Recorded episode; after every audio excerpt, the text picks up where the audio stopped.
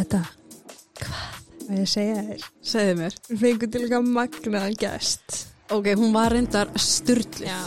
Við fengum til okkar stærsta íslenska content creator á Íslandi. mm. Það er eiginlega bara eh, út af fyrir sig magnadæmi. Kynum til leiks Ásu Steinarsdóttir Alltaf þú að er þetta ekki verið þannig?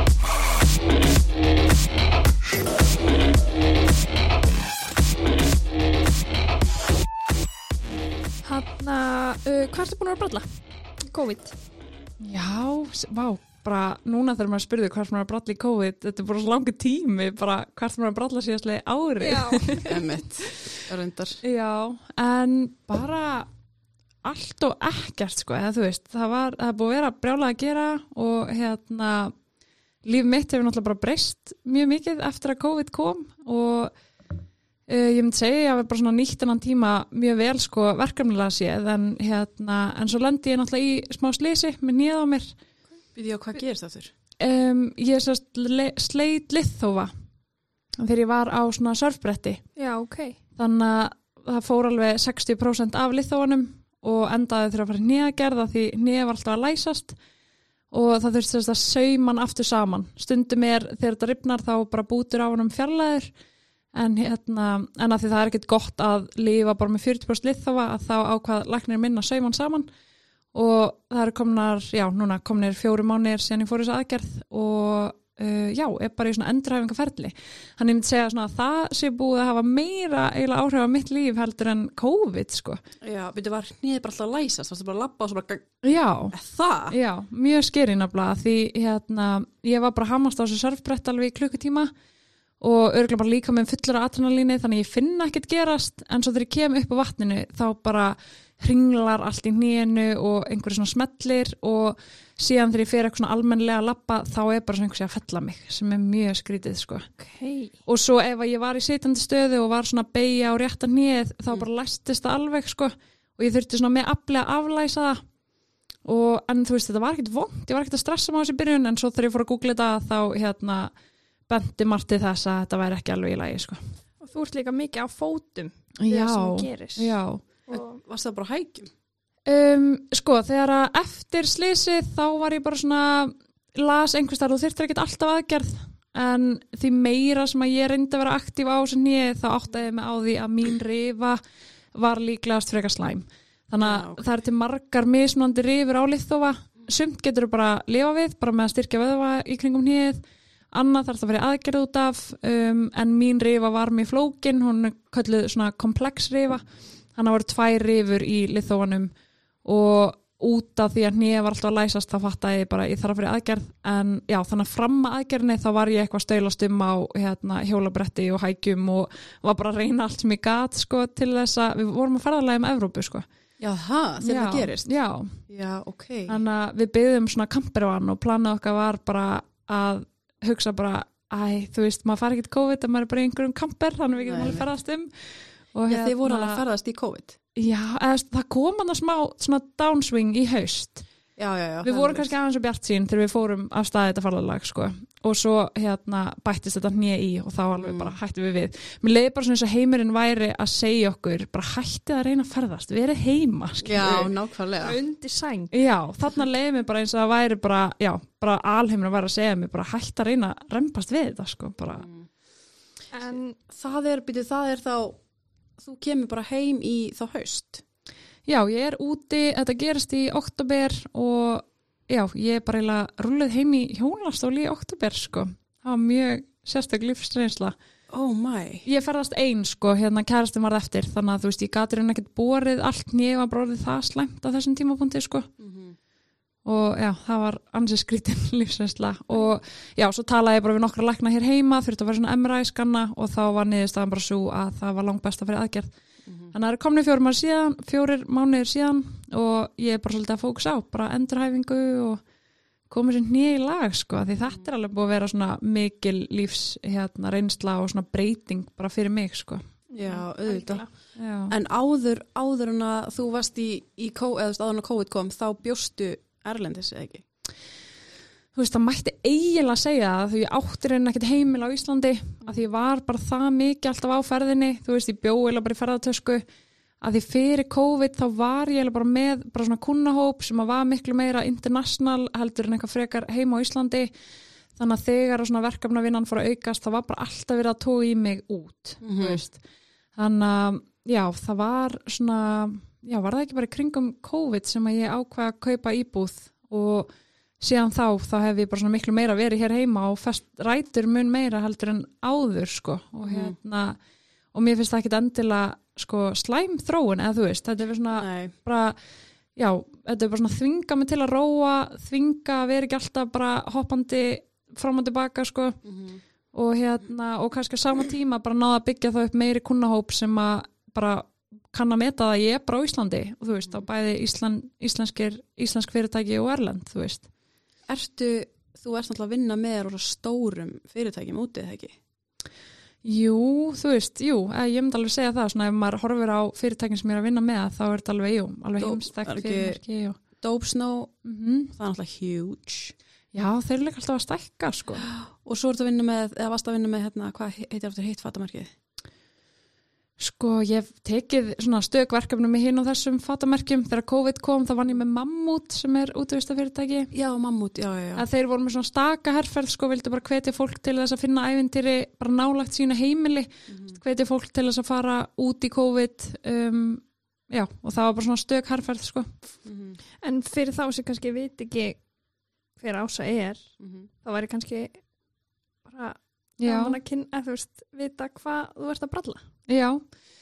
Já, ég bara mynd segja, bara svona þrýf, þrýfst í þessum samfélagsmiðla og svona content creation heimi, bara, já, íslenska orðið, bara efni sköpun og mitt, svona mín helsta ástriða bara frá því var lítil hefur alltaf verið að ljósmynda og markasetning og einhvern veginn láta efni og upplifanir líta vel út, þú veist, ég bara byrjaði mjög ung hérna, bara í grunnskóla með eitthvað svona lame blogg sko, að ljósmynda einhverja skólaferðir og skrifa blogg og Og Blog Central. bara þar sko, já, bara eitthvað, þú veist amigos.blogcentral eða eitthvað, þú veist Amigos.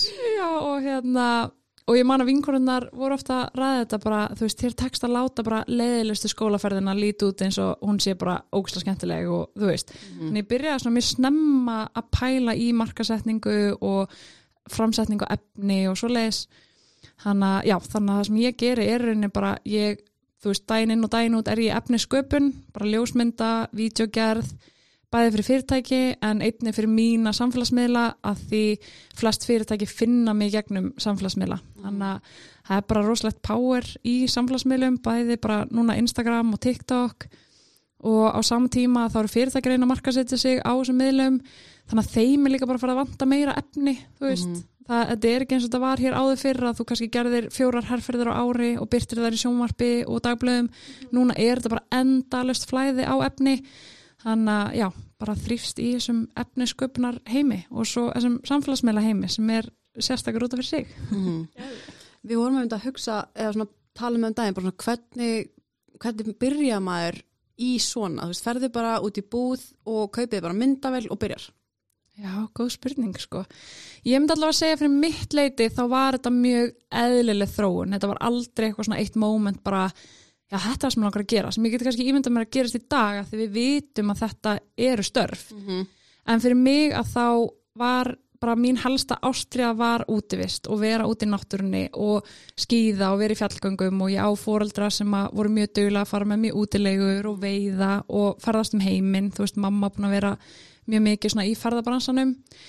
Og svo bara einhvern veginn upp á þurru er ég með bilan áhuga á ljósmyndun. Bara það bara kemur fram bara mjög snemma bara ég er ekki nema áttar og gömul þegar ég fer að byggja fóreldra mína um filmuvélar og fara með þær í vind á slíð og pappi var eitthvað, þú veist, framkalla myndirnar og var að segja mér, þú veist ásættu nú svolítið leðala myndir og að, þú veist, kannski mynda fólk eða eitthvað svona, var að gefa mig feedback og ég man, þú veist, þegar fyrsta digital myndælinn kom út sem var, þú veist, Kodak þá fekk ég hann í fermingagjöf, þannig að svona myndælar hafa alltaf fyllt mér og ástriðan fyrir útivist hefur alltaf fyllt mér, þannig að svona þetta combination kom bara svona náttúrulega hjá mér en á sama tíma var ég þetta bara að reyna að vera venjulegur einstaklingur sem að mentaði sig og fekk sér vinnu Já. en þetta var alltaf svona á hliðinni sko. Og back then þá datt mér ekki til huga þetta getur bara orðið eitthvað sem ég gæti unni við.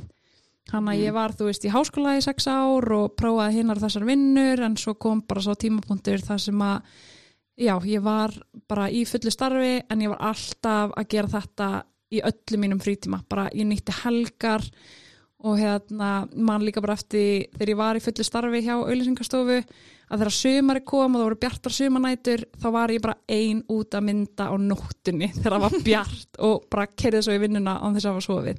Þú veist ég var bara svona það ástriðu full yfir þessu öll saman að hérna og svo já fóru svona verkefni að koma inn þegar ég var Mm. en það í fullu starfi.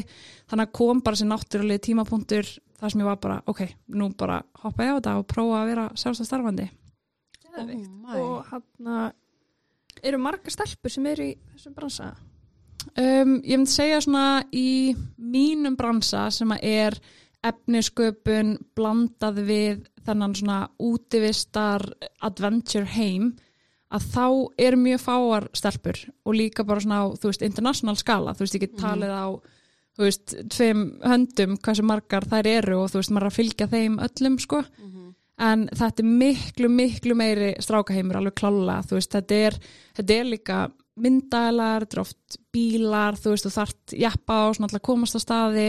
Þetta er útvist að því þú ert úti, þú veist, vondum veðrum.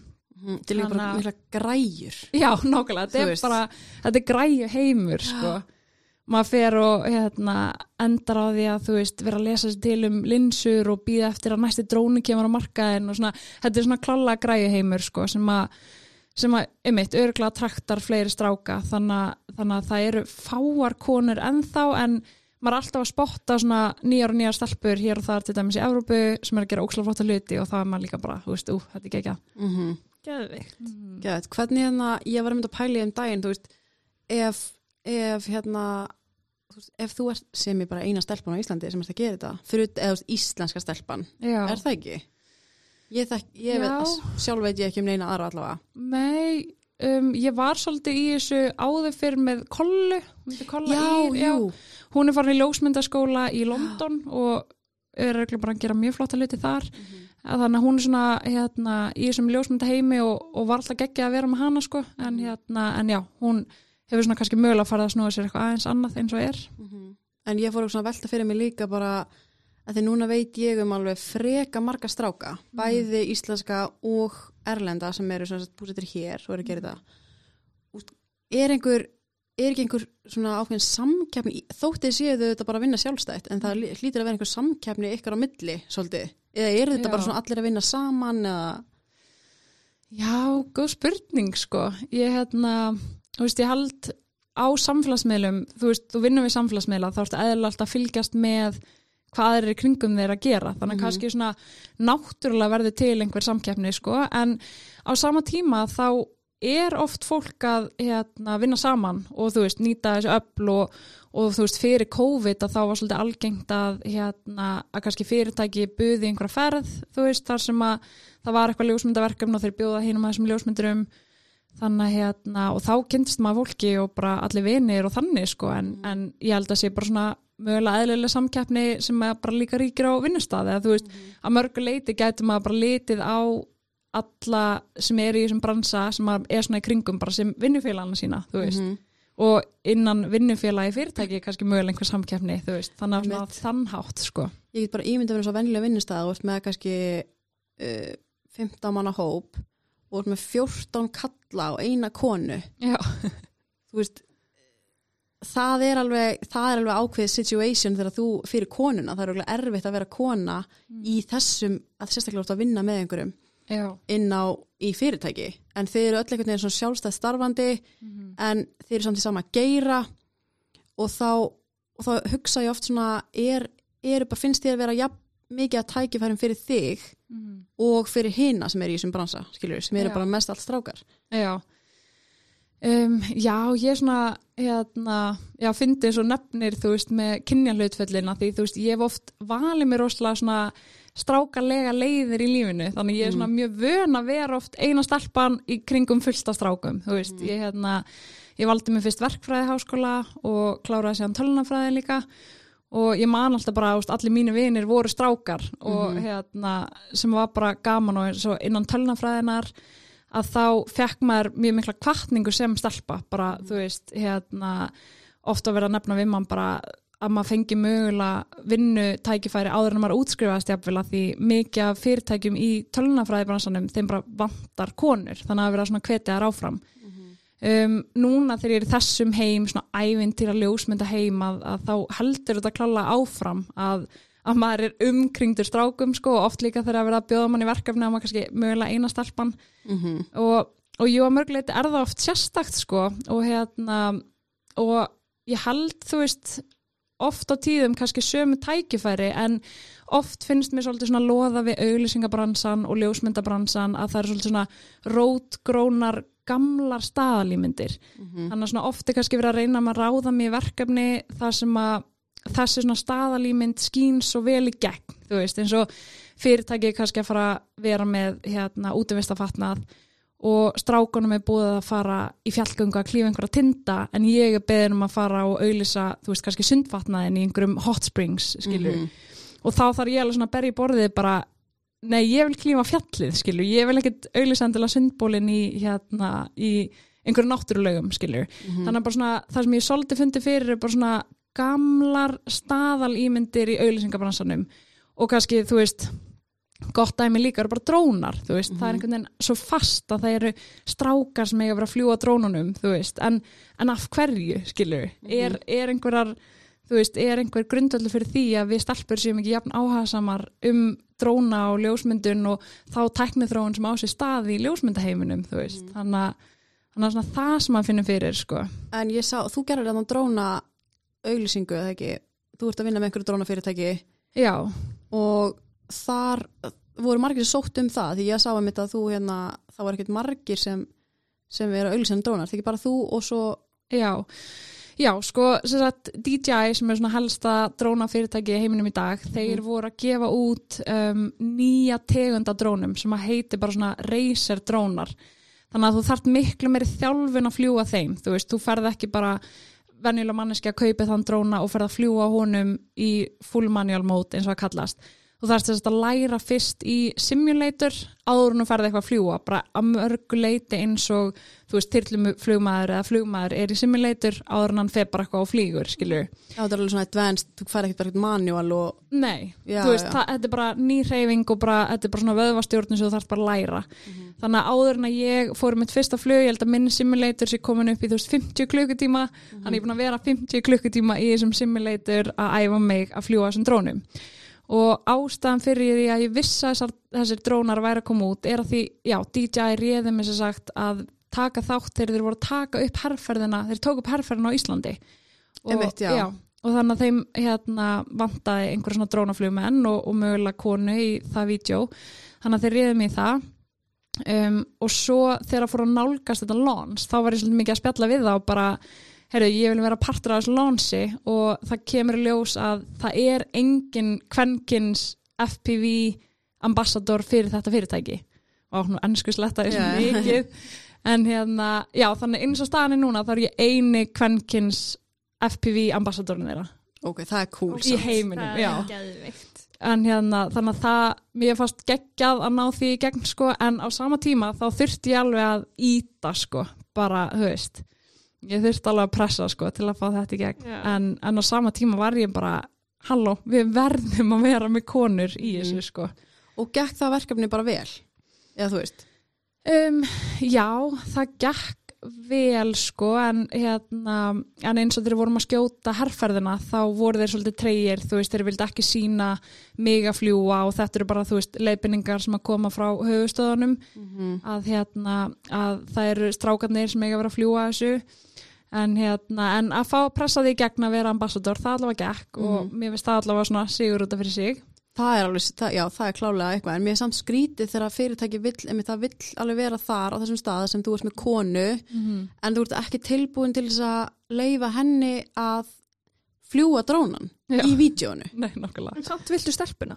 en samt viltu Já. hafa stelpuna til þess að sína öðrum að núti, þú veist, hei, við erum svona fyrirtæki, við ætlum að vera með eina konu sem ambassador, en við ætlum ekki að leifin að fljúa Já. Já og þetta er alveg svona, eða þú veist, þau miður sér maður þetta ennþá ansi mikið í auðlýsingabransanum og í herrferðum að, og þetta er stundum að sem ég velti fyrir mér þegar fyrirtæki er reyna að stilla upp einhverju herrferð, erum við ennþá svona föst í gömlu staðalímyndunum að þú veist, við konundnar eigum að lappa við hliðina á strákonum og bara brosa og vera fínar, þú veist, eigum við aldrei að keira jeppunum yfir krossa á í þósmörk og fljúa drónunum, þú veist. Og það væri svo geggja að sjá fyrirtæki bara nýta þetta meira í markasetningu að bara hrista hans upp í þessum staðalímyndum, veist, og ég, Einmitt. mér þetta bara geggjað, sko. En hver flög það sem dróna? Um, já, þegar við vorum að skjóta herrferðina, Mm. það voru bara svona professional hérna, drónaflugmenn behind the scenes, þannig að já, þú veist, það var ha- hafina ráðin kallkins fyrirsæta og ég og þá er, þú veist, kallkins fyrirsætana að þykjast fljónum, skilur En þú gast alveg flóið á hannum. Um, Já, þú veist, í rauninni, já en, hérna, en samt fyrir þessa herrferð sko að þá kannski samt betra einhver professional gera, þetta er alveg svona huge, hérna, huge herrferð sko En bara the fact að þau þurftu að hafa kallinn til þess að vera, þú veist, bara eitthvað mótel sem, þau- sem, flög, sem flögunum. já, nokkla, já, já þá, þeir, vil, þeir vil ekki vera með konu í, í, í, því hlutverki sko En fannst þér þá ekki, fannst þér ekki smá svona, hvernig leið þér þá? Varst það ekki smá svona disappointed? Eða svona fyrir vombriðum? Jú, þú veist, eða, ég finn alveg oft fyrir því þegar að maður fær ótrúlega spennandi og skemmtileg tækifæri og maður er bara, þú veist, það er geggjað að global fyrirtæki sé að ráða mig hérna að því ég er að fljúa drónum og þú veist, já, auðvitað upplifir maður smá disappointment þegar að maður má ekki einu svona sína það að maður sé að oppreita búnaðin eða þú veist, halda á fjastringunum þannig að svona, jú, að þú verið kall, þá hefur fengið að fljúanum. Já, nokkulega, já. Jú, þannig að auðvitað upplifir maður vombrið þegar maður lendir í þannig aðstæðum Já. og maður er alveg svona, þú veist, Á sama tíma vill maður kannski ekki make a scene nei, og missa dílinn. nei, nokkulega. Maður verður alveg berjálega þegar maður heyri svona. Sko. Þetta er svo leiðilegt. Já, Þú veist, þegar þú ert alveg fully capable of, þú ert bara að gera þetta en færð samt ekki að gera þetta því þú ert kona. já. Já, og þú veist, í þessum heiminn þá ég alveg fundið mig í þeim að, aðstæðum oftar en einu sinni, þú veist, að, að maður fái ekki að gera eitthvað um eitt að því maður er konan í hópnum, sko. Mm -hmm. og náttúrulega lendir rosalega í því að vera bara hérna, þú veist, í ákveðnum verkefnum að mann er bara svona hendin í ramman þú veist, bara já, setjum hana á myndina þú veist, í svona hópferðum sko en, en jú, hérna en það er kannski líka bara partur af þessu þú veist, það er smá tókstreita hana að vera svona mikið efnisköpun, þú veist, ég er mikið að ljósmynda fyrir fyrirtæki, ég er mikið í vídeogerð en á sama tíma að þá eru samfélagsmiðlar eitthvað batteri út af fyrir sig. Samfélagsmiðlar er ótrúlega öflugt tól og ef ég skoða bara hérna mína tölfræði á baku mína akkánta þá gengur það efni langt best þar sem að ég er á myndunum. Það er bara þannig. Og en á sama tíma þá er það smá tókstreita að því þú veist ég vil samt vera þekkt sem ljósmyndari og vera í efnisköpun skilur en, hérna, en til þess að ná langt og bara hérna, láta efni sitt fara flug þá þarf maður samt að fylgja tölfræðin hvað er að virka best þú veist. þannig að hérna, þannig að fólk á það svolítið til að þá bara horfa á samfélagsmiðluna og bara mynda sér einhverja skoðun út frá því í staðin fyrir kannski já, ég ætla að skoða portfólíu hennar á heimasíðan hennar skilur, til þess að skoða ljósmyndunar hennar Einmitt. Mér finnst einmitt sko að stundum finnst mér svona væpi í kringum eitthvað svona, þú veist að, að þú, að því að þú veist eins og þú segir að myndina þínar og efni sem þú gefur út á samfélagsmeilin virki ótrúlega vel og þú veist ótrúlega mörg view og allt sem þú gerir og, og hérna, fólk fylgist ótrúlega mikið með þér að það er það er rúglega hjálpa þér ótrúlega mikið að þú ert ljósarð og sæt og skilur fólk út með svona klikkabúl mynd, myndbönd skilur, ég er bara Já. sjálf staðið með að því að vera að sjá hvað myndbönd það er á TikTok og sé bara eitthvað svona ljósara píu í góðu formi og rauðum sundból og ég er bara svona, hm, skilur við þetta er alveg svona þú veist, já, já, en á sama tíma þá hef ég líka alveg, þú veist, eins og maður sé smá svona, hún getur ekki verið allt. Hún getur Nei. ekki verið að búa til efnið, verið sæt, verið í góðu formi, verið svona og svona og svona, skilur, hún getur ekki verið allir pakkin nei, þannig stundum, eða það var alveg kannski tvö ár síðan sem ég heyrði til dæmis að ég sé eitthvað vídeo þér á TikTok eða hvort það sé Instagram og, og ég eitthvað svona, hver er þetta? Var hann með marga followers og eitthvað og þá segir einhver við mig bara svona, já, kærastinn hann er að búa til allt fyrir hana Já. og öruglega bara vitandi ekkert um það en Já.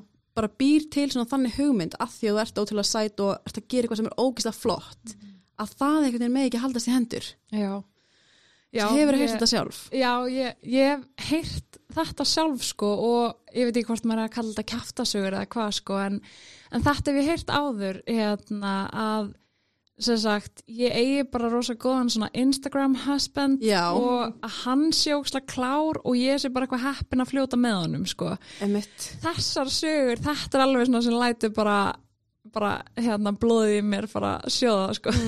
ég geti rétt ímyndað mér sko. því sko, hérna, mér finnst þetta svo magnað að, og kannski eigum við öll til að gera þetta, við sjáum kannski stelpu sem að er að skara fram úr og við þurfum bara eitthvað að setja eitthvað leipul á hana, við þurfum bara að merkja Þurfum hana að við þurfum að finna einhverja ástæðu af hverju henni vegna vel. Og, hérna, og þessi saga um að kærasti minn sé að framlega allt efni fyrir mig finnst mér mjög áhugavert vegna þess að nú er ég búin að eiga síðan að ég byrjaði á þessu er ég búin að eiga tvo kærasta og það kom líka eitt og hálft til tvö áratna þar sem að ég er singul inn á milli. Og þessar kæftasögur byrjuðu strax á fyrsta kærastanum sko. Og hérna þegar ég var með honum og máli var að við ferðumst mikið saman en ég var alltaf svo ástriðufull fyrir því að skapa efni, ljósmyndir og vídeo. Hann var miklu minna spenntu fyrir því og ef eitthvað þá fannst honum það bara draga úr upplifunum okkar sem að ég skildi mjög vel. Þannig að það varð svona smá tókstreita og hann vildi eiginlega bara ég myndi sjá um þetta sjálf og að við getum það bara verið par þegar við varum að ferðast saman. Þannig að strax þá fer ég bara að læra ef að ég vil gera þetta þá þarf ég bara að finna leiðir sjálf. Og eins og ég nefndi áðan ég ferðast á nóttinni með þrýfót þegar ég var að byrja bara til þess að geta einhvern veginn byrjað í þessum heimi skilju, læra á Instagram, læra hvað virkar læra á markasetningu, ljósmyndun, allan pakkan og svo tek ég hann tímabil það sem ég er innleip í hvað, tvö ár. Og það er tímabilið það sem að ég er að vaksa mig hratt og mín stærsti verkefni er að koma inn. Þannig að líka einhvern veginn áhugavert að fólk skuli bara gefa sér það að það sé einhver strákur á bakvið, af því það var þá 100% ég. Og núna með minn núverandi ótrúlega stuðningsríkur og stuðum í öllu því sem ég geri en á sama tíma hann er bara sko frumkvöld, hann er að stofna fyrirtæki, hann á sjálfur, eða þú veist, hann er sjálfur með sín fyrirtæki, hann er með The Ski Week sem er svona skíafestival í kringum heiminn. Á hann skívík? já, já hann er stofnandi hey. Week What the hell? Er það grínast? nei, Þetta er mikið með það já, já bara stelpuferð á Week What? Ég er í Já, hann er stopnandi Ski Week og hérna líka stopnandi á fyrirtæki sem heitir Ratin þar sem að hann er vélaverkvæðingur og hérna og bjóð til svona ramaksknúin hérna brimbretti Já, ok. já, þannig að hérna og það sem hann elskar er bara businessliðin á öllu. Og hann er alltaf í þessum frumkvæðila heimi. Þannig að mér finnst svo magna þegar fólk er eitthvað að gera ráð fyrir því hans er ljósmyndari. Já. og auðvitað ferðast hann með mér og inn á milli byði hann um að íta á sjöttir takkan þegar ég er með einhver svona ákveðna hugmynd hérna, í haustunum af myndefni eða vídeo. En á sama tíma vitum við það bæði að hann er ekki góður ljósmyndari og hann er heldur ekki góður í vídeogerð sem hefur líka verið svona já, hann er alltaf að hjálpa mér en, en á sama tíma svona veit hann ekkert alveg hvað hann er að gera Skilur hann þetta? Hvað? Skilur hann íslensku? Uh, já, skil, hann, nei, ekki alveg sko, hann er alltaf að verða betur og betri, hann er frá Svíþjóð sko.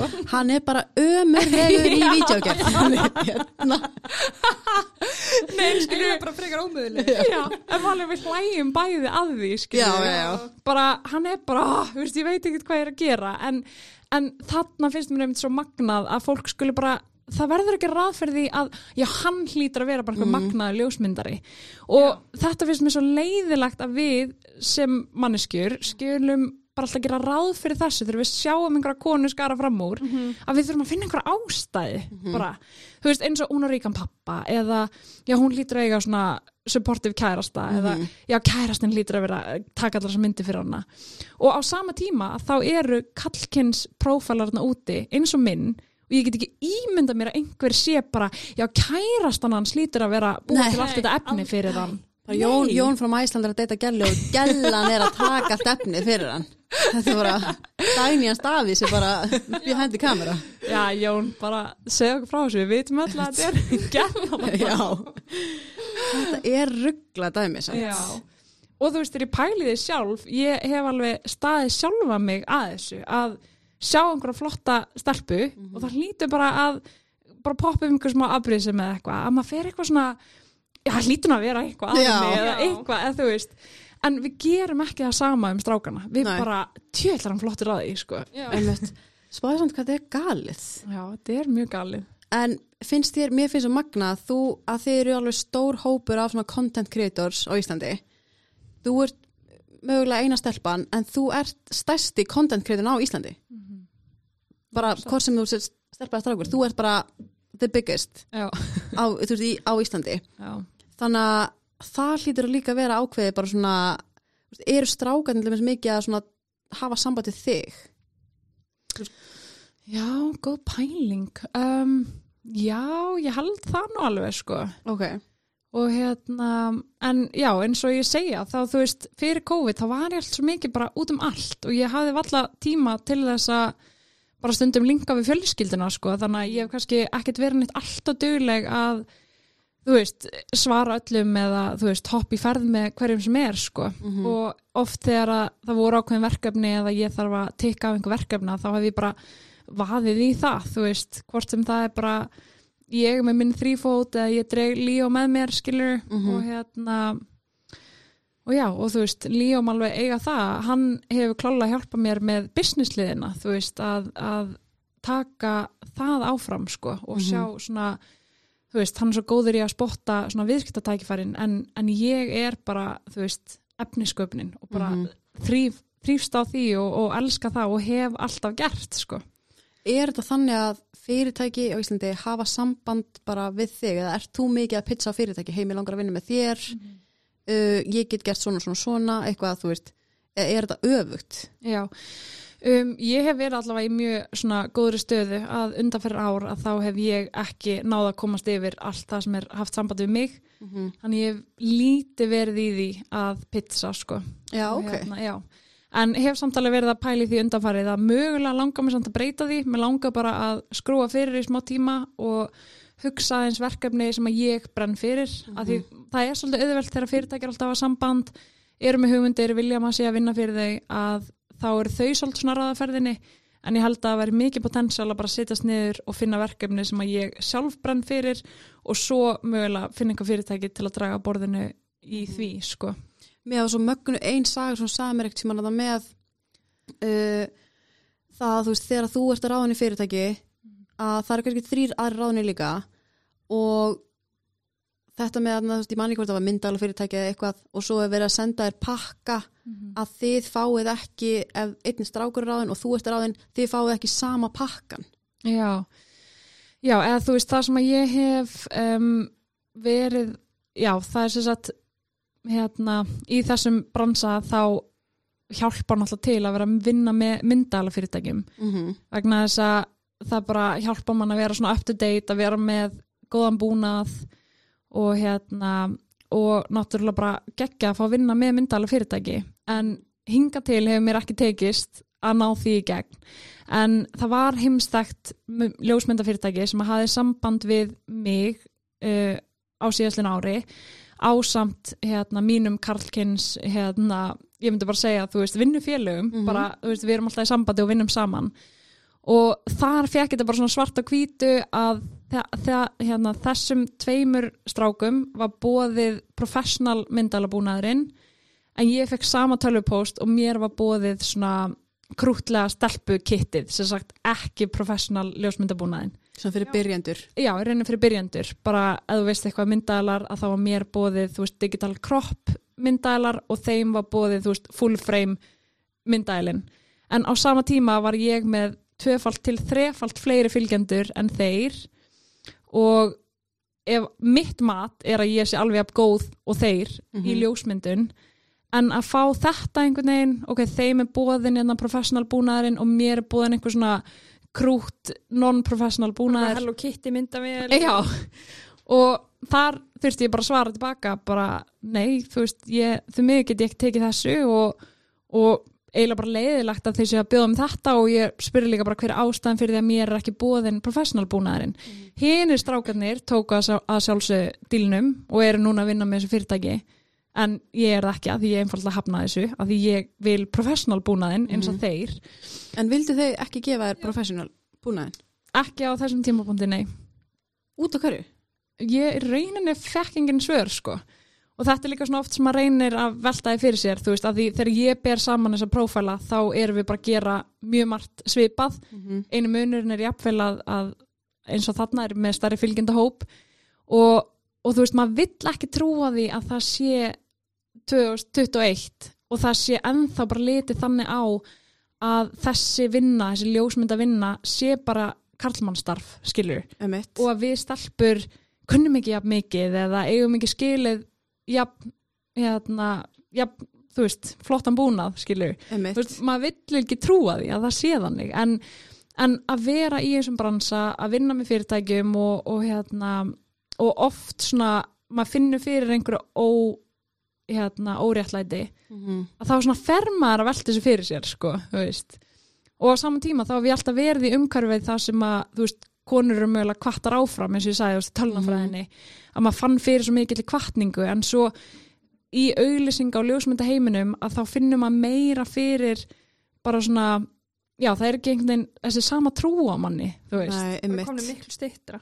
Já, og, og það er eitthvað sem ég held að ég sé smábun átta mig á að, einmitt, bara að fyrirtæki þurfa kannski aðeins að hugsa hérna, hvernig erum við að marka sýta okkur? Hvernig erum við að representa kynin í okkar. Já, erum við til dæmis með jafn mikið konum og köllum í okkar markasefni erum við með þú veist gamaldags staðalímyndir eða erum við up to date og við erum bara 100% búin að viðkynna það að konur keira jappa, þær ganga fjöll, þær fara á skýði, þær eru með professional ljósmyndabúnað. En mín reynsla er svo að við séum bara ekki alveg komin ángað sem að mér finnst alveg magnað og, og ég er líka bara svona mjög ákveðin og hef alltaf bara verið með strákunum og þú veist, litið á mig bara sem alveg jafn góða eða þú veist, whatever. En svo einhvern veginn finnum maður svona, það er einhver svona brems á manni að vera svona að halda manna aðeins þú veist, svona, já, það ert ekki alveg þar sko, eða þú veist, En er þetta líka þannig eins og nú eru mikið að vera að vinna erlendis? já. Þú veist, er, er þetta sama svona væp þar? e, já, eða þú veist sko stundum hef ég verið að bera saman sko íslenska markað við erlenda markað og mögulega velti ég fyrir mig hvort við á Íslandi séum bara jafnvel aðeins stittra komin sko í hvernig við vinnum með konum og köllum og þá er ég líka bara að taka tillit til einmitt markasiti sem fyrirtæki er að sitja fram þú veist, er, eru bara kallarnir að kera jappana, skilju, eru það einhvern mann með konu að kera jappa í sínu markasefni, skilju Emitt. Að því leiti finnst mér oft erlend fyrirtæki komin lengra í þessari hugsun bara, einmitt, við ætlum að brjóta þessa staðalímynd og þess vegna hef ég líka verið tógu erlendis og oftar en einu sinni hefur verið sagt við að stóru fyrirtæki já við réðum þig og vantaði þessu konu og það er svona, maður veit ekki alveg hvort þetta sé rós eða, eða hvað er þetta komment, þú veist, auðvitað vill maður bara vera ráðina því bara, þú veist, við elskum, við elskum það sem þú gerir Já. þú Já. ert góður en já, alveg oftar en einu sinni hef ég fengið já, okkur vantaði þessu konu. Og þá er maður bara eitthvað svona já, ok, geggjað, já, hér er ég, þú veist. En er svo magnað einhvern veginn hvernig þú hefur ennþá svo mikla trúa þér eða þú veist, með að við það er verið að sem ég brjóta mann niður á stórum fyrirtækjum. Já, nei, guð, ég hef svo mikla trú Já. mér, sko. Og að því bara, veist, ég vinn alltaf með strákum og ég veit að ég get gert sem hluti, ég veit að ég veit nákvæmlega mikið um búnaðin eða ljósmyndun og þeir skilur, eða just ég veit ofta tíðum erum við bara framlega mjög svipa efni skilur, þannig að hver er munurinn? Jú, ég myndi kannski segja munurinn liggja aðeins í því að ég mögulega síni meira mig á samfélagsmiðlum en samfélagsmiðlarnir mínir eru samt ekki portfóljóðu mitt, eða skilur Mhm. enn og aftur, það á að downgreita mann sem ljósmyndara eða vítjögerðamann að því maður heldur út í samfélagsmiðlareikningum, skilur Nei, það er allt annað dæmi. Já, en hérna en já, en jú, mér finnst samt, það er alveg mörg erlend fyrirtæki sem er að gera óksla góða hluti og, og vilja, þú veist breyta hérna staðalímyndum og, og þessu, þú veist, þessum ójöfniði En hvernig er það, þú veist, eins og á hérna, veist það, þegar einhver, þegar einhverju stóru fyrirtæki og þú ert bara, þú, það er sagt við þig bara, já, þú ert hérna því þú ert stelpa. Já. Þú veist, ertu, segir eitthvað? Eða þú veist, ertu bara, ok, Hinga til hef ég aldrei sagt neitt sko en hérna, já því ég hef oft bara svona einmitt bara líka bara verið mjög þakklátt fyrir tækifærin og, og ég hef oft átta mig á þeirri sérstu, ég meina þú veist, ég var frekar nýbyrjuð og þá fæ ég tækifæri að vinna fyrir heimstækt bílafyrirtæki, skilji þú veist þannig að ég er þarna úti að ljósmynd einhvern glænjan sportbíl með fullt af heimstæktum karlmannsljósmyndurum skilur og ég er þarna bara þetta er klikkað skilur Mhm. en á sama tíma ég mitt koma þessi komment sem maður, svona, maður veit ekki alveg hvað mann á að finnast um þau þú nei, veist. emmitt. En Náttúrulega bara, hérna, sem, eða maður getur bara sagt þetta, þetta er frekar ömulegt að heyra það. Veist, þau eru náttúrulega búin að ráða því að að þú ert fær, mhm, en á sama tíma þá þurftu þau líka að fá stelpu. já, Þetta er svona, já, tökum bara, tökum bara, þú veist, gæti verið, ég veit ekki, tökum bara sæti ljósarið, skilur Já. já. Já, svo hefur alveg stundum verið þú veist, hérna ég hef stundum rætt þetta við svona mína nánustu og, og stundum er talað um að ef að maður vill fá ákveðna virðinga þá stundum hjálpar mann ekkert að vera ljósarður skilji, en pæli hvað það er klikkað Það er galið. það á ekki að vera þannig En af hverju, af hverju hjálpar? Er það, er það að meina að þú veist að þá, nei, ég hjálpar ekki. já, eða þú veist, Já, já, já, að því að, já, já, eða, ljóska Einmitt, Það já. já, já, Já. Það, að, að það, hérna, að það teki minna markaðir að þú ert svona ljósærð og, og, og myndalega og eitthvað. já, mögulega, eh, mögulega eins og þú segir skilur allir pakkin, stundum Mhm. gerum við bara ekki ráð fyrir því að að konur geta verið allir pakkin skilur, Mhm. eins og þú hefur líka stundum tjáði um skilur Mhm. að, að þú veist að, að þú getur verið allt skilur, sterk, klár verið á samfélagsmiðlum þú veist, og þú átt að þú átt sem er virðingu skilið skilur Einmitt.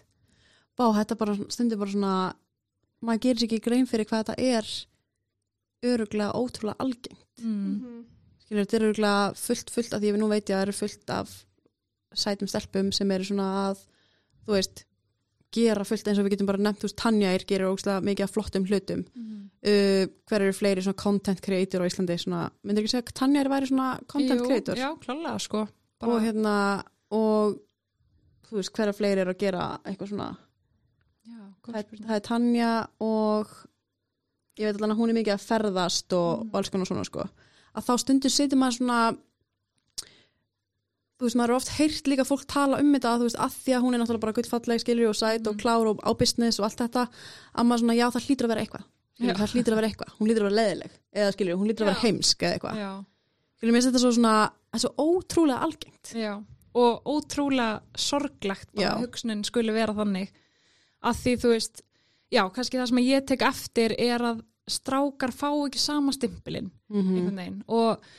mm og, líka nú er ég að fylgja eh, þessum nokkrum stelpum út í Evrópu sem er að gera geggjaða hluti. Þú veist, eru bara content creators eru hérna búin að vegna vel á samfélagsmiðlum vinna með stórum vörumerkjum með háan fylgjendafjölda. Og einu þeirra er rosalega mikið í sínu efni sem hún myndar. En ég veit að hún er bara gangandi fjöll, sofandi í tjöld, tjöldum og hérna, myndar síðan með þrýfót en samt heyri ég rosalega mikið kringum mig í þessum heimi hvað akkur er hún að fá þennan díl þú veist, hún gerir ekkert nema bara standa aðna og vera sætt en ég veit að allt sem hún gerir er hún, skilur, þetta er hennar vinna hún, hún leggur svo brjálaslega hart að sér. En samt er einmitt alltaf verið að kommenta bara, bara já þú veist, hún kann ekki neitt, hún, hún er ekkert að gera þetta, er einhver á bakvið þetta, skilur Svo Þannig að sorglegt. þetta er, já, það er mjög sorglegt og þetta er líka bara svona hugafar sem að maður væri svo til í að breyta bara, þú veist, að, að við myndum bara fara að gefa konum kredit að þær eru heilun á bakvið þetta, sko, þú veist, þeirra vinnu og akkur eigum við svona erfitt með að trúa því. Það er alveg fárulegt sko. En hefur einhvern verið í svona aðstæðum þar sem að þú ert ráðinn sem, sem kannski ljósmyndari eða svona vídeo, hvað ég segi maður, svona upptökumadur eða þannig og verið síðan, þú veist, látin vera mótilið.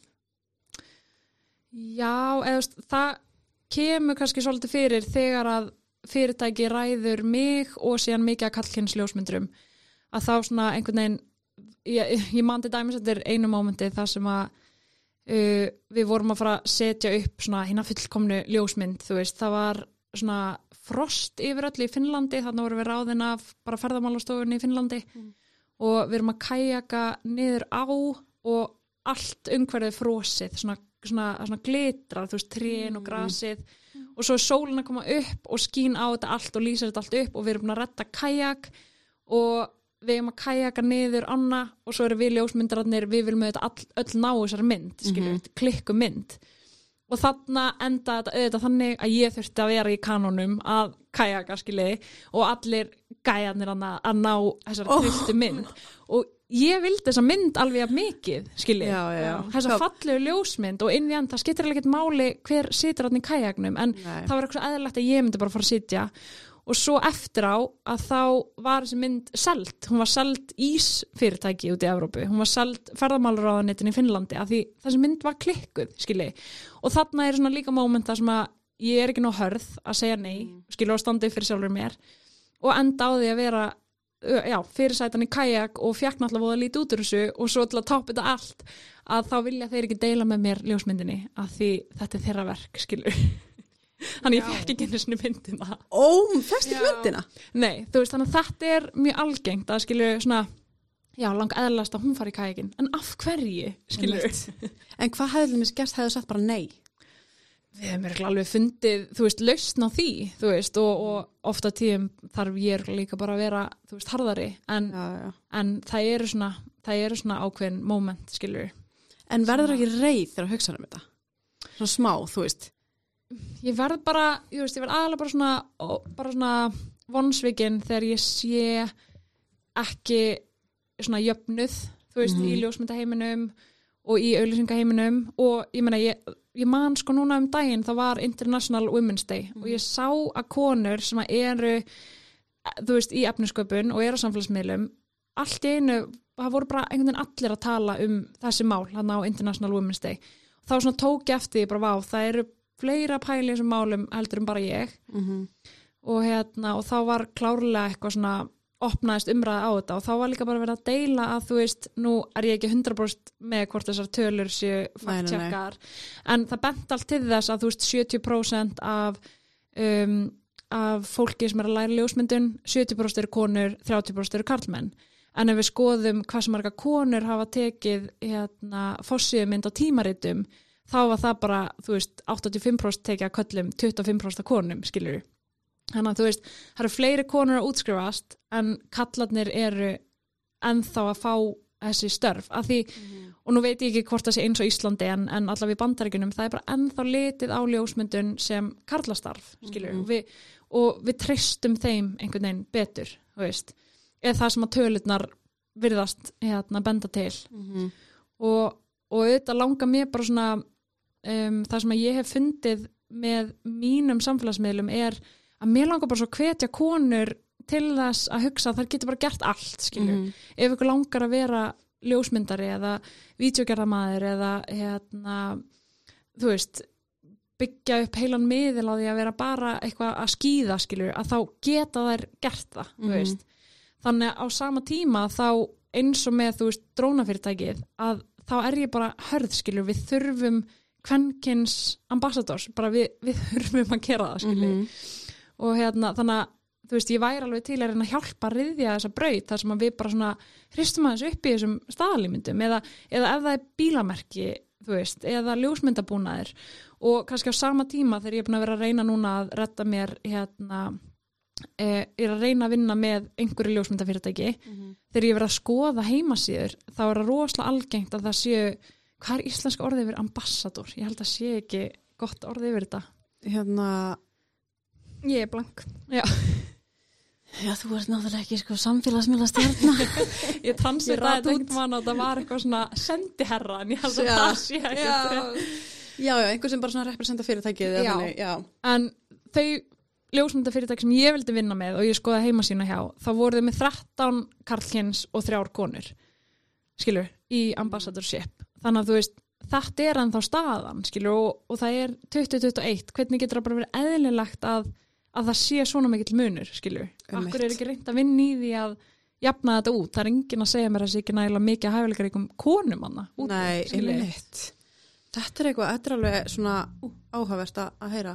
En líka bara, það lítur að vera eitthvað svona, þú veist, ef þú ert að sækja um starf og einhver strákur að sækja um starf, það er held ég bara enda þannig að þú veist, þú kannski ræður inn kallinn að því þú veist að hann hefur fleiri tækifæri, Mm. skilur í verkefni eða gera eitthvað. Ég meina út af því að þú veist, ég veit ekki, mér finnst það líka oft svona bara svona sama, veist, konur þú veist, nú er ég ekki að alhefa, en konur treysta ekki öðrum konum, Já. skilur við Mhm. en kallar er einhvern veginn bara svona alltaf að gera vinur sínum greiða eða þú veist, ég ætla að ráða inn hérna vin minn en konur er einhvern veginn meira bara svona, þú veist Já. vilja ekki vera að gera öðrum konum greiða Já, 100%. Ég, hérna, um, ég las þetta einhvers staðar að konur eru minna líklegar til að ráða aðra konu. Og, og þetta kemur held ég bara frá því að uh, mögulega höfum við fundið fyrir því bara lengi vel að við kannski fáum ekki sömum tækifæri. Þannig að fyrir konu að ráða aðra konu, það er bara svona of, þá, þá er hún komin of nálægt hennar sviði, sko. Mhm. það er orðið of mikil svona, hérna, ógn, skilji en kallar eru einmitt alltaf svona buddies og alltaf að gera hvernig öðrum greiða, þú veist. Mhm. og hérna, og það var einmitt Íslands fyrirtæki sem hafði samband við mig um daginn sem að það var bara alveg upp á þurru, sko, bara var ekkert búin að ræða við þig, en bara, herra, ása, bara við erum aðeins svona að pæla í þessu sko, kynjalutfulli af ljósmyndurum sem við erum að ráða. Og ég verð bara, ég er bara skammast mín að segja þetta en ég hef aldrei ráðið kvennkynns ljósmyndara. Og við hjá þessu fyrirtæki, við erum bara ákveðið við ætlum að breyta þessu. Bara nú ætlum við bara að byrja að ráða konur og þá talaði hann einmitt um þetta. Ég held, ég skýli mér á bak við það að maður er alltaf bara að ráða félagana saði hann. Já, Já, Já. en á sama tíma sem kona og hafa verið á vinnumarkaði ég kannast ekki við það að ráða vinkonum mínar. Nei, og ég held að ef að ég fær eitthvað að ráða mína vinkonur það, ég, mér myndi líða skringila og ég var svo hrættum að það myndi bara eitthvað eða þú veist, upp. springu upp, Já. En, en hann sagði þetta bara, ég hef alltaf verið í það að ráða kallkins ljósmyndara að því maður bara svona heyrir alltaf í félögunum einhvern veginn Mhm. og, en það var gaman að fá þessi skilabóð sko, bara upp úr þurru að, hérna, að þetta fyrirtæki ætlaði bara svona aktíft bara, já, við ætlum bara stiða konur aðeins Fíla. og þú veist, já, why not sko? Mm. Þetta líka bara konur eru bara svona meira eða allan að hef ég, svona mín upplifinu bara gegn samfélagsmiðla. Það er oft sko oftar konur sem er að setja út á hvernig mann, lít, hvernig mann lítur út frekar en kallanir já, og ég hugsa stundi getur alveg verið þannig að, að kona þú veist, hún er bara meira judgmental af aðra konur. Já, og líka kannski til að ráða þú veist, að ég vil ekki þessa, ég vil ekki þessa, hún sem ekki svona hún sem ekki svona, að ég Já. heyrði þetta um hana skilur, já, já, hýrt þetta um hana er algjör drusla, skilur, eitthvað svona, þú veist Allir klikkur. já. bara, já, einmitt, alveg klikkuð Já. Já. En ef að staðan er svo að konur ráða ekki aðrar konur og kallar eru líklega til að ráða félag, þá náttúrulega bara við helst einhver vítarhingur, þú veist. Og ég held að þegar kemur á til dæmis ljósmyndun, fyrirtæki mætti alveg vera bara smá meðvitið, þú veist. Eru við að ráða svona, það þarf ekki að vera jámt, en bara það fyrsta skrefið er bara að vera smá meðvitaður, skilju. Að mögulega horfa á þessar tölur að það eru kannski fleiri konur að útskrifast í ljósmyndun en við erum alltaf að ráða karlkynsljósmyndara, skilju. Mhm. Hefur, hefur lent oft í að hérna sækjum eitthvað starf og verið denæjað eða svona verið hafnað Nei, ég get reyndar ekki sagt það, sko. Nei. Ég, hérna, og eins og ég segja, bara að, að ég er rosa sátt í því sem ég er að gera og bara, og elska þau tækifæri sem ég fæ. Og hérna, en á sama tíma þá hefur maður bara svona kannski orðið aðeins meðvitaðri og langar bara, þú veist, það sem að mér langar að gera er bara, mér langar að vera fyrirmynd fyrir konur sem að kannski vilja fara út í ljósmyndun og mögulega samfélagsmiðla eða, þú veist, hennan svona ævintýra ljósmynda heim og á mér ákveðna drauma um að, þú veist, mögulega fara að kenna námskeið og, og bara svona, þú veist, eins og mm. bara svona þið kannski kannast við, bara svona empowerment, Mhm. þú veist, og, og ef að ef maður fer út í það að þá langar manni líka bara svona að vera með smá krítiska hugsun á svona bransan í heilsinni og þú veist, Myndir þú vilja vera með námskeiðin á Íslandi? Ja? já, ég hef alveg, þú veist, fengið kvartningu til að vera með námskeið, sko, og hérna já, klálega, sko. Geðvikt. Ég veldi oft fyrir mér hérna að því að þegar ég horfi svona á Instagramið og bara svona lífið þá hugsa ég oft bara eitthvað svona what, bara pæli ég að lifa þessu lífi, bara alltaf ferðast alltaf Rólan á Bali. Já, bara í rólun á Bali maður og bara gæðveitt í ykkur hengirúmi, skilur Mm. er þetta alveg svona glamurus eða ertu bara með þrýfótin, hendir í róluna rólar og svo bara, já, allir heim skilur Já, eða sko já, ég hef líka svolítið fengið frá svona vinkonum sem ég kynntist í setni tíð að ekki bara kannski þetta svona Instagram lífið heldur að þær voru bara með allt aðra sín á mér. Mm. Held að ég væri bara ótrúlega skipulega típa með allt á hreinu en það er svo langt frá raunveruleikanum sko, þú veist, ég er svo ótrúlega óskipulegð og á það til að koma mér í svo hræðilega vandræðilega moment og bara allir pakkin sko og ég held að Instagram mitt sé svolítið eins sko að því ég ofta áttum ekki á því hvernig fólk getur fengið það impression á mér sko en sama með Instagramið að ég elska svo mikið að búa til falldefni þannig að þú veist, fyrir mörgum getur það kannski liti út eins og eitthvað kvöð eitthvað, ah, vakna verið sólsetur að mynda og þú veist, reynisfjörið það sem er brjálaður stormur og eitthvað. En fyrir mér er það bara geggjað, þú veist. Mm.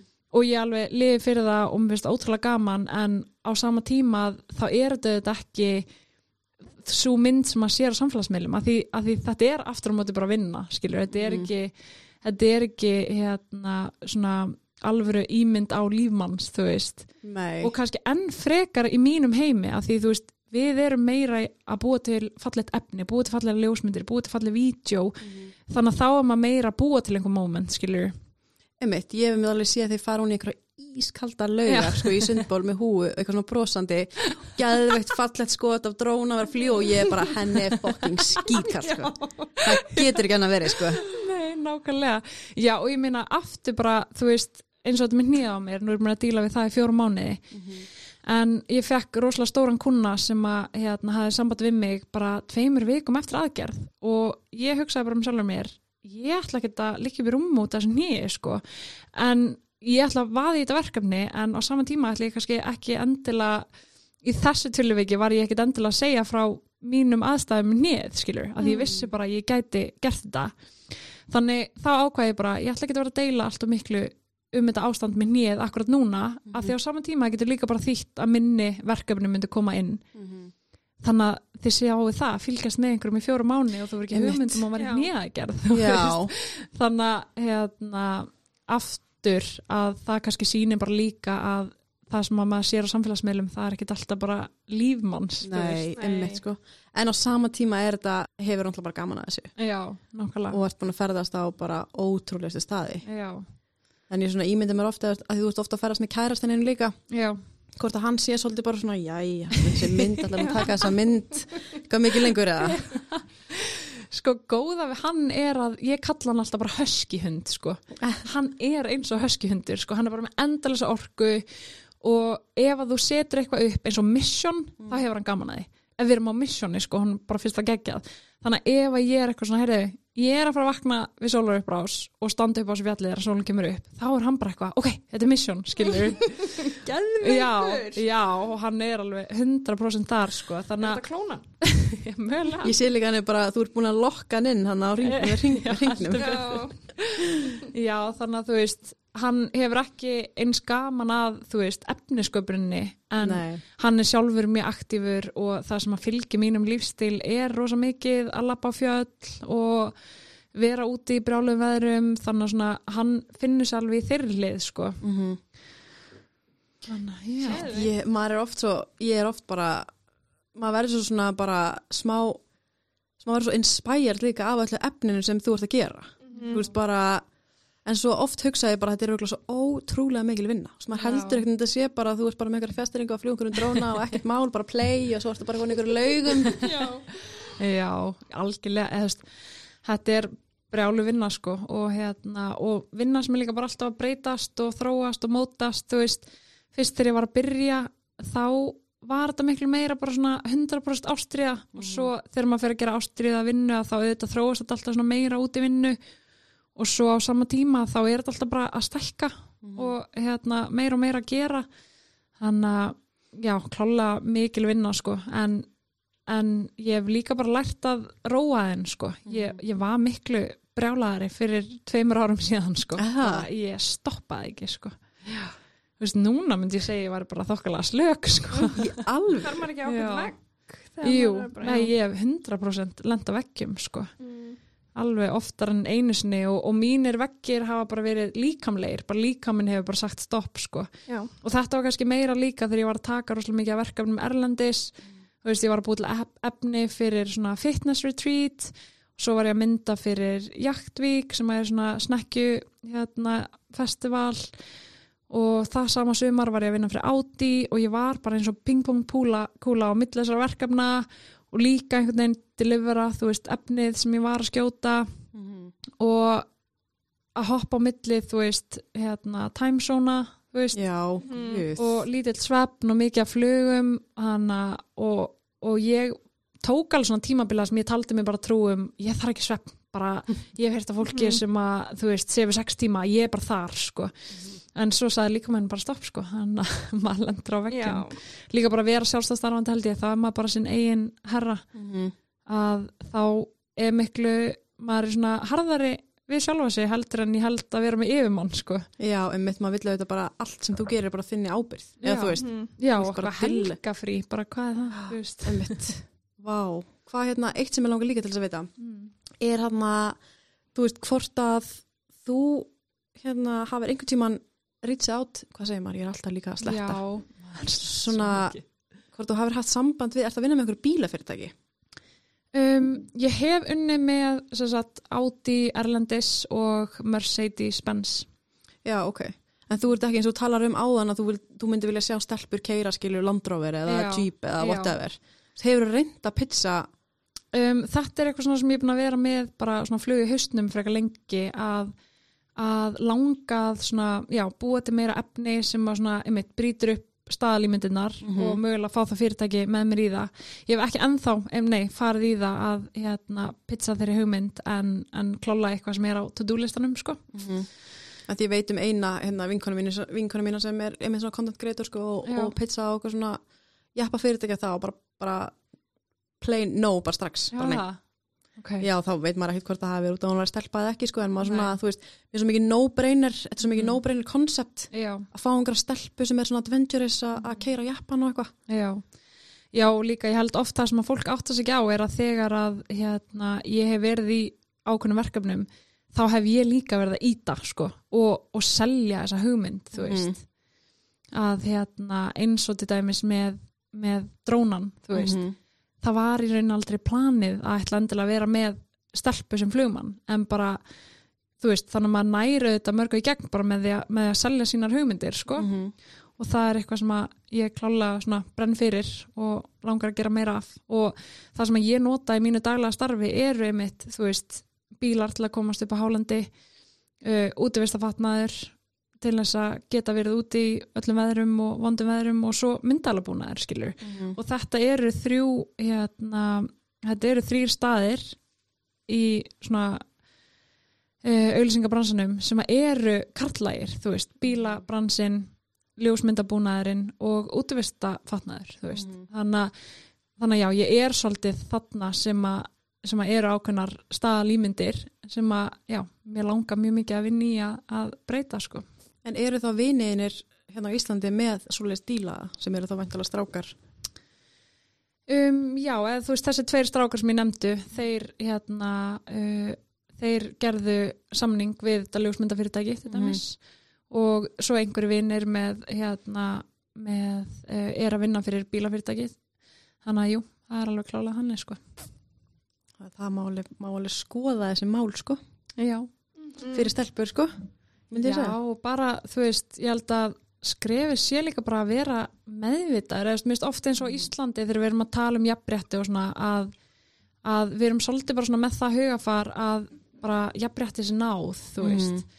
en það sem að ég hef alveg fundið fyrir því að vera að hoppa erlendis og koma svo aftur heim að eins og ég nefndi, ef eitthvað er þá finnst mér við eftir á í mörgum málum. Mm og svolítið svona einmitt gamaldags hugsun, svona hvernig við, þú veist, já Já, mér finnst, mér finnst það eitt sem fór líka alveg pínu töðunar að mér að, þú veist, að fyrirtæki eru svolítið svona, þeir vilja alveg hafa konundar aðna, skiljur, þeir, þeir vilja alveg svona líta út fyrir að vera að styðja allt þetta og þú veist, við erum með konu hérna, sjáu, Já. en hún fær sem ekki að gera neitt. Já, bara horfið á hana Horfið á hana. já, Mist, það, er svo, það er svo, freka myndi ég bara vilja vera ekki þarna, sko. já, nei, nákvæmlega. Þannig að þetta er svona, það er ekki bara, þú getur ekki bara verið með konu hann til síni, sko. Nei, Maður er líka, það hérna, verður að vera action í þessu. klárlega, sko. En hvað myndir þú svona, ef þú ættir að, ef þú ættir að, hérna, eða er eitthvað svona eitt sem þið langar til þess að breyta, hvað er það? Þú veist, við sjálfa þig, langaði til þess að standa meira á þínu, til dæmis, þú veist, Já, ég, já, klálega, sko, ég held að, hérna, að ég þarf örgulega bara, einmitt, mað, og líka bara við sem konur, við þurfum bara að læra að, einmitt, standa meira upp fyrir sjálfum okkur mm -hmm.